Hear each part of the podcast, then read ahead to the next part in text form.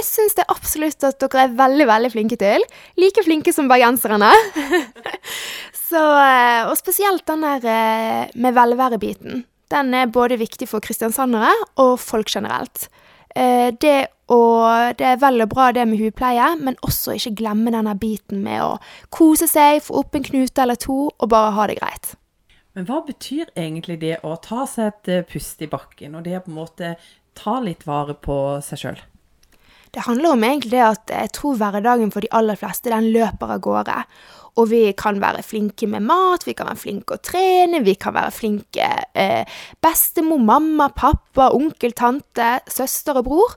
Men så glemmer vi oss selv og kroppen vår litt i det. Og hvis du glemmer å ta vare på deg selv og ta vare på alle andre, så glemmer du den viktigste i livet ditt, og det er faktisk deg selv. For hvis du skal klare å yte det beste, så trenger du også å være den beste versjonen av deg selv. For det er vel sånn at det er nettopp det vi kanskje glemmer, en sjøl men andre først? Veldig, veldig, veldig vanlig. Og det er jo en flott egenskap, det, å være sjenerøs og gi av seg selv. Men det er også så flott å se når folk kommer, og de faktisk kan gi litt til seg selv. Få opp de muskelspenningene. Ta seg en ansiktsmassasje. Eller en dekoltémassasje, en ansiktsbehandling, negler man, man, lyser bare opp, og man får en bedre dag. Og så er det vel også sånn at vi eh, nordmenn vi bruker faktisk eh, mer penger på velvære, så en del av oss er på en måte der at vi syns at det er verdt det. Absolutt.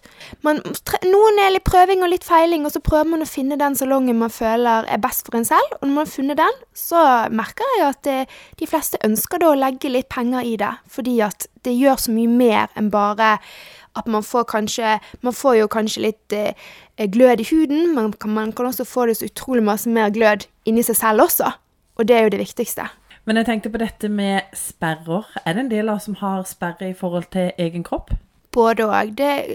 Folk kommer i alle størrelser, alle fasonger. Alt mellom himmel og jord.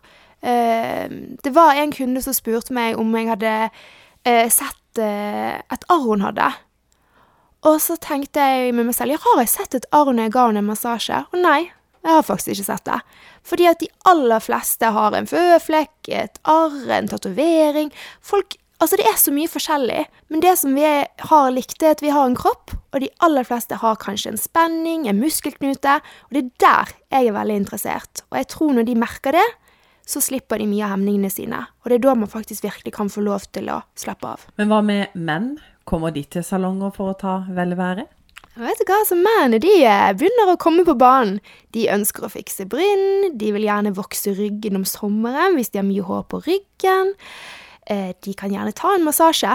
Så eh, vi ser faktisk at der også vokser den kundebasen. Og så er det veldig mange håper si koner som sender mennene sine til å fikse føttene sine om sommeren. For da skal jo de også lufte seg.